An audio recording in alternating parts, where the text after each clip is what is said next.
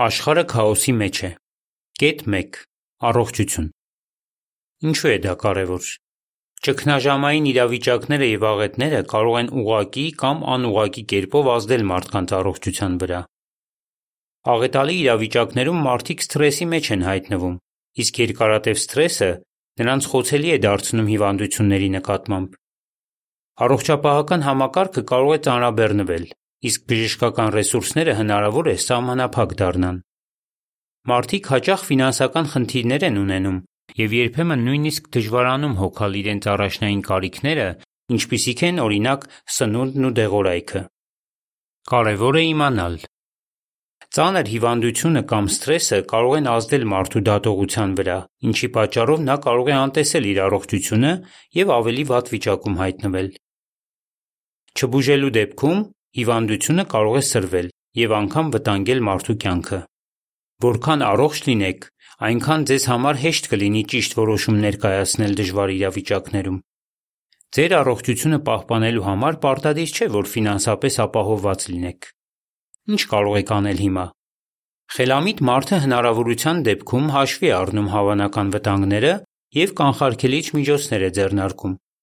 Սա վերաբերում է նաև առողջությանը։ Հետևելով հիգիենային, հաճախ կարելի է նվազագույնի հասցնել հիվանդանալու ռիսկը, իսկ հիվանդանալու դեպքում խուսափել հիվանդության ծանր ընթացքից։ Ավելի լավ է կանխարգելել, քան բուժել։ Մաքուր պահելով մեզ և մեր շրջակայքը կխնայենք այն միջոցները, որոնք պետք է ծախսեինք բուժման և դեղորայքի վրա։ Անդրեաս։ Ինչ անել։ Օգտակար առաջարկներ։ Ճգնաժամային իրավիճակներում պահպանեք ձեր առողջությունը՝ հետևելով այս գործնական քայլերին։ Հետևեք հիգիենայի կանոններին։ Աստվածաշնչում ասվում է. «Խորագետը տեսնում է փորձանքը և թաքնվում» (Առակներ 22:3)։ Մտածեք, թե ինչը կարող է վնասել ձեր առողջությունը և խուսափեք վտանգներից։ Հաճախ լվացեք ձեր ձեռքերը օճառով և ջրով, հատկապես սննդին դիպչելուց առաջ և զուգարանից օգտվելուց հետո։ Կանոնավորաբար մաքրեք և ախտահանեք ձեր տունը, հատկապես այն մակերեսներն ու առարկաները, որոնց հաճախ եք դիպչում։ Եթե հնարավոր է, խուսափեք այն մարդկանցից, ովքեր վարակիչ հիվանդություն ունեն։ Ունեցեք առողջ սննդակարգ։ Աստվածաշնչում ասվում է.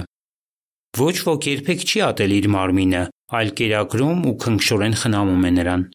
(Եփեսացիներ 5:29)։ Եթե հոգ ենք տանում մեր մարմնի մասին, ապա ուշադիր կլինենք, թե ինչ է մտնում մեր օրգանիզմ։ Շատ ջուր խմեք։ Կերեք տարատեսակ մրգեր և բանջարեղեն։ Սահմանափակեք ճարպերի, աղի և շաքարի օգտագործումը։ Մի օգտագործեք ծխախոտ և թմրադեղեր։ Նաև մի չարաշահեք ալկոհոլը։ Մենք ձգտում ենք ճիշտ սնվել, որպեսզի խուսափենք հիվանդություններից։ Հակառակ դեպքում ստիպված կլինենք մեր սահմանափակ միջոցները տրամադրել դեղորայքին և բուժմանը։ Նախընտրում ենք այդ գումարը առողջ սննդի վրա ծախսել։ Կառլոս։ Մարզվեք և բավականաչափ հանգստացեք։ Աստվածաշնչում ասվում է. «Ավելի լավ է մի բուռ հանգիստ, քան երկու բուռ տքնաջան աշխատանք և վասկ քամու հետևից»։ Ժողովող 4:6։ Պետք է հավասարակշռել հանգիստն ու աշխատանքը։ Ֆիզիկապես ակտիվ կյանք վարեք։ Սկսեք կանոնավոր զբոսնելուց։